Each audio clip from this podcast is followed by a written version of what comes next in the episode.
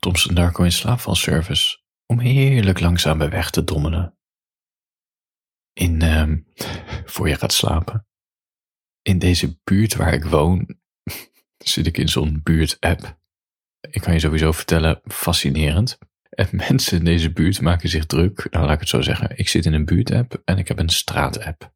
En in die straat-app maken mensen zich druk om wie de kerstlampjes die we aan de dakgoot hebben gehangen met elkaar niet aan hebben. Oh.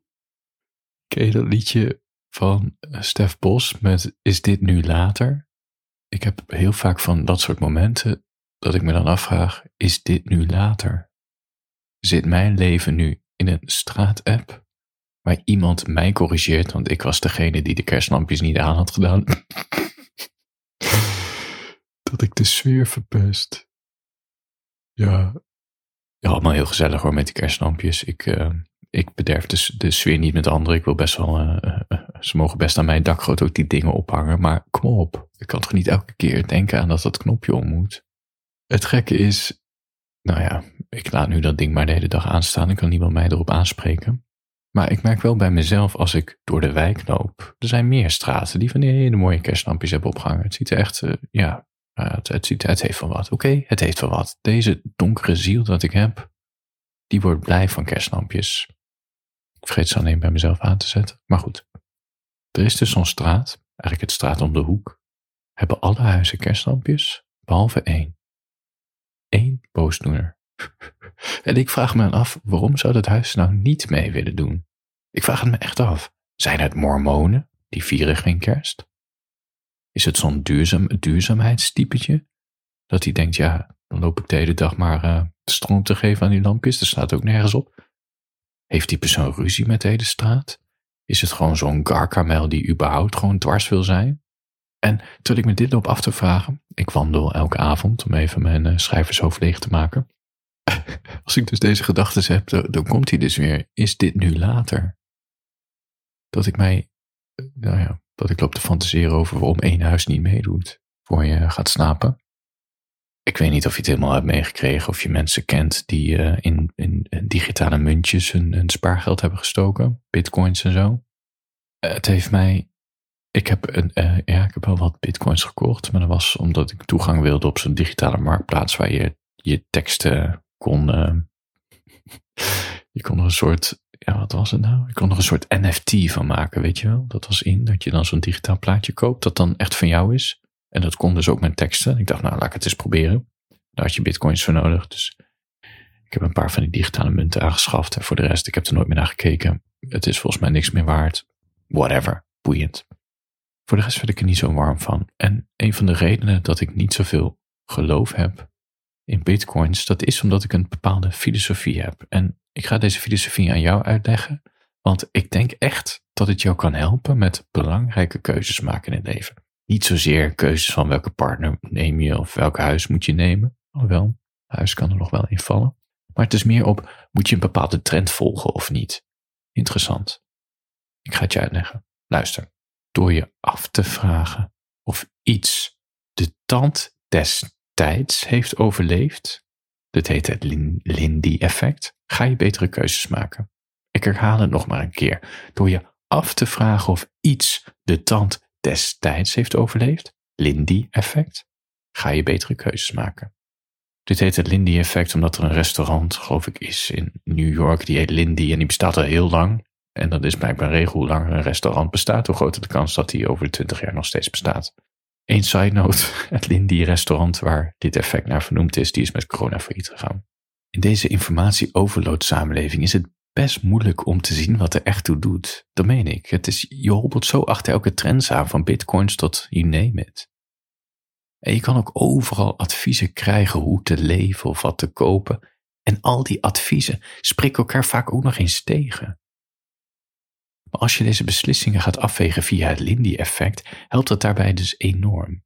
Het Lindy-effect komt samengevat op neer hoe langer iets bestaat, hoe groter de kans dat het over x tijd nog steeds bestaat.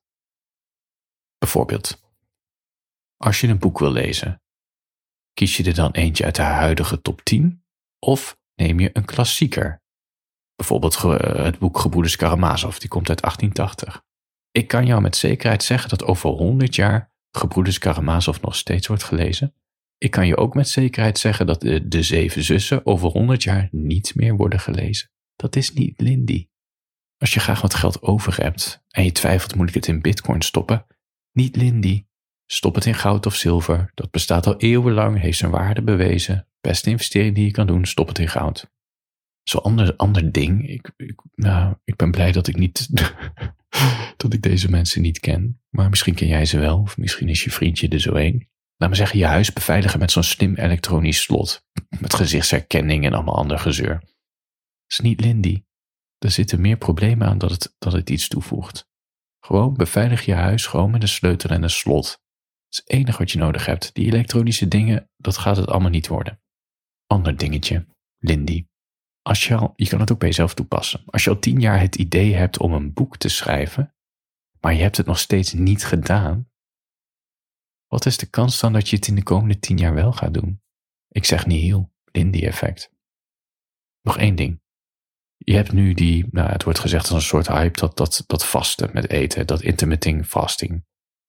Zul je verbazen, maar dat is Lindy. De oude Grieken deden dat al. Gewoon een ontbijtje overslaan. Nou ja, laat ik het anders zeggen. Een ontbijt nuttige? Dat is niet Lindy.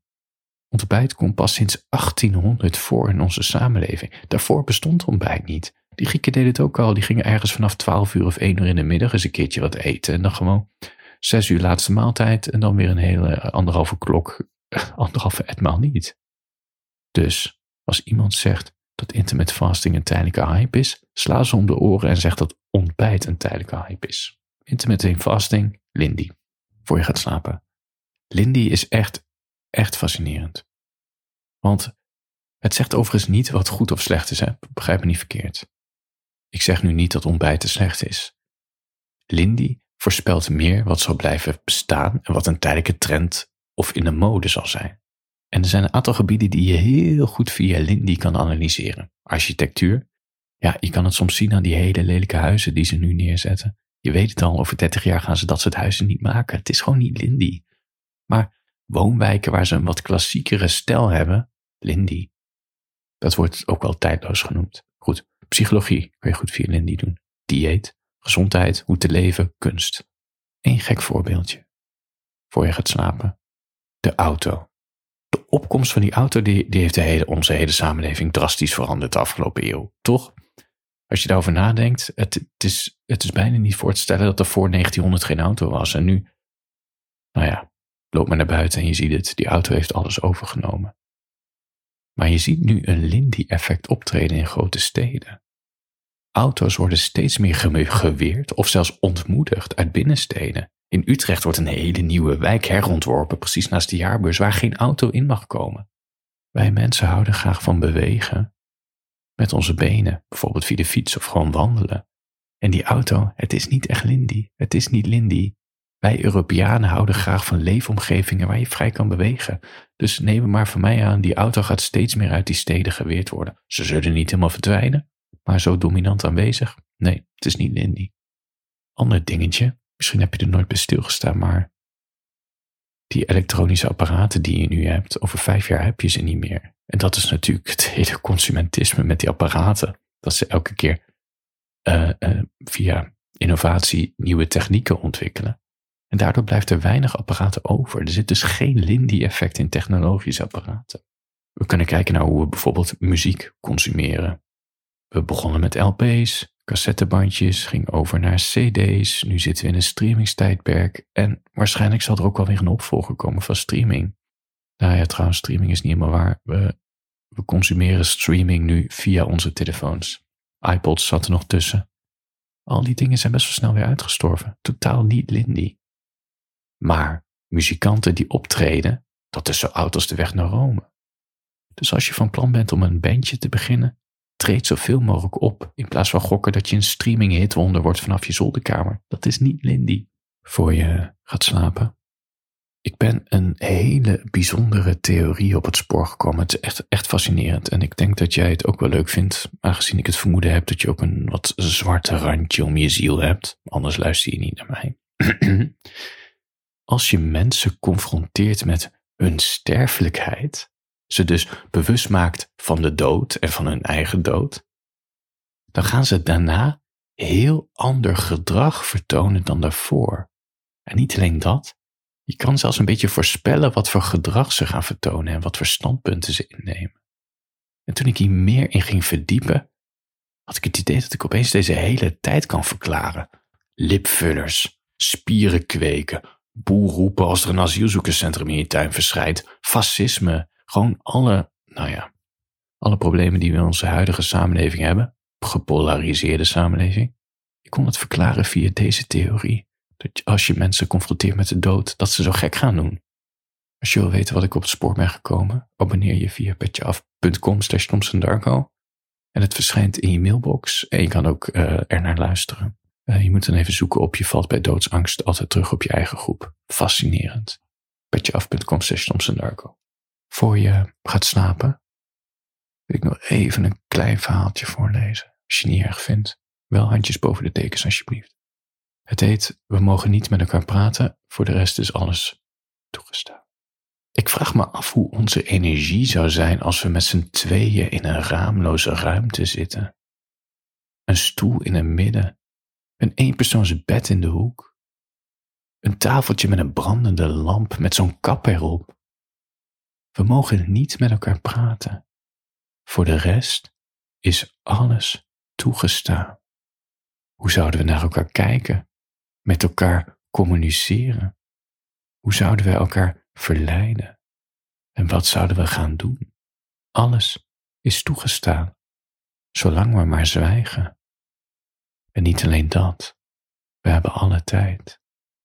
Voor je gaat slapen. Het viel me op dat uh, in die statistieken dat niet iedere luisteraar mij volgt.